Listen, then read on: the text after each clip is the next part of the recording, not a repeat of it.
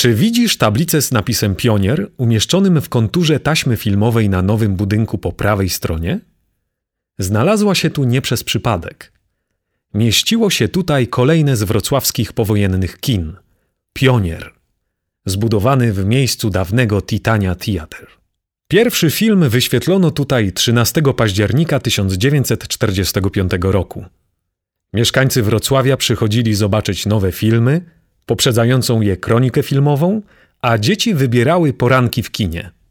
O tym miejscu opowie nam pan Jacek Szymański. Jeśli chodzi właśnie o kino Pionier, y, to y, ta nazwa kina y, wiązała się właściwie z dwoma elementami. Po pierwsze dlatego, że to było właściwie pierwsze, a przynajmniej jedno z pierwszych kin y, we Wrocławiu, y, a więc takie pionierska działalność.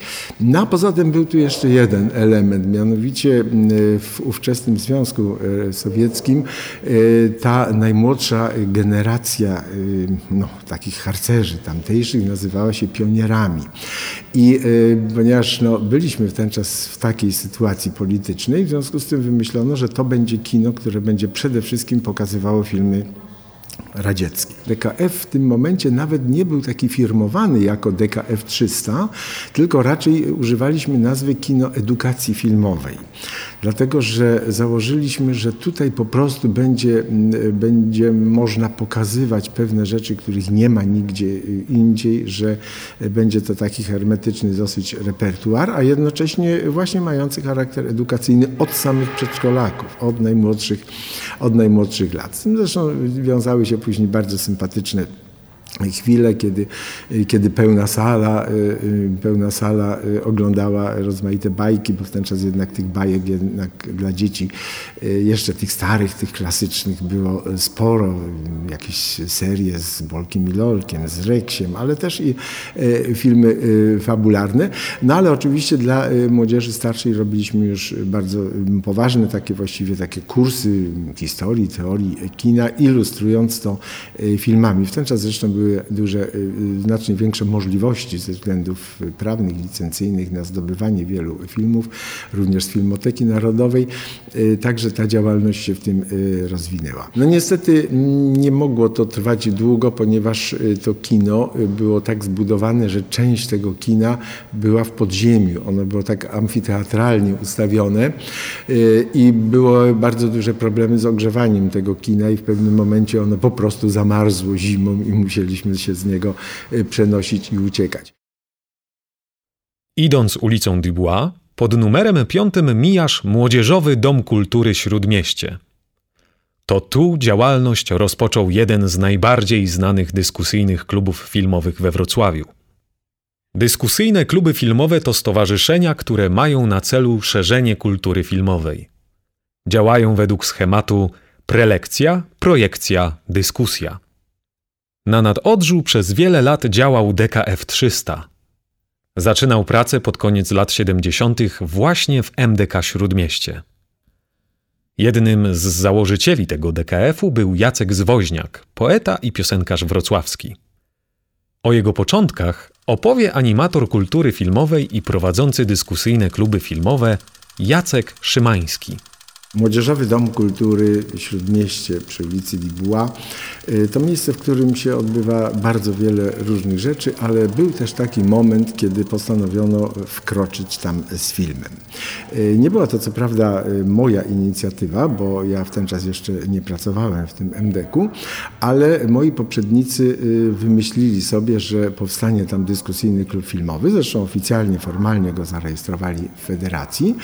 No i na miejscu w tym MDK wyświetlano y, filmy. To jeszcze była ta terkocząca szesnastka, z której y, pokazywano y, filmy na kopii filmowej i stwierdzili oni, że taką wielką ich ambicją byłoby, żeby 300 widzów pojawiło się kiedyś w tej sali, chociaż Sala nie była znowu aż taka wielka, ale 300 może by się zmieściło i dlatego nazwali ten DKF 300. W momencie, kiedy ja w połowie 80. lat y, zacząłem pracować w tym MDK-u, y, stwierdziłem, że skoro jest to już DKF, który już zaczyna mieć jakieś takie pierwsze swoje y, no, małe tradycje, to warto tę działalność rozszerzyć i wkroczyliśmy od razu do najbliższego kina, czyli do Pioniera.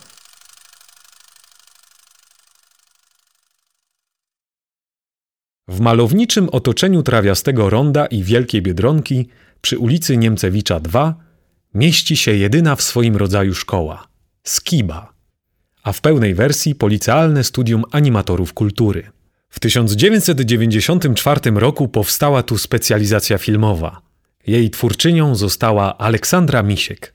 W roku 1989 rozpoczęłam pracę w tym studium i pracowałam jako osoba, zaczęłam pracę jako mm, osoba promująca film, edukująca z film, właściwie pracująca poprzez film w animacji kultury, yy, zaledwie tylko w, w ramach sześciu godzin wiedzy o filmie.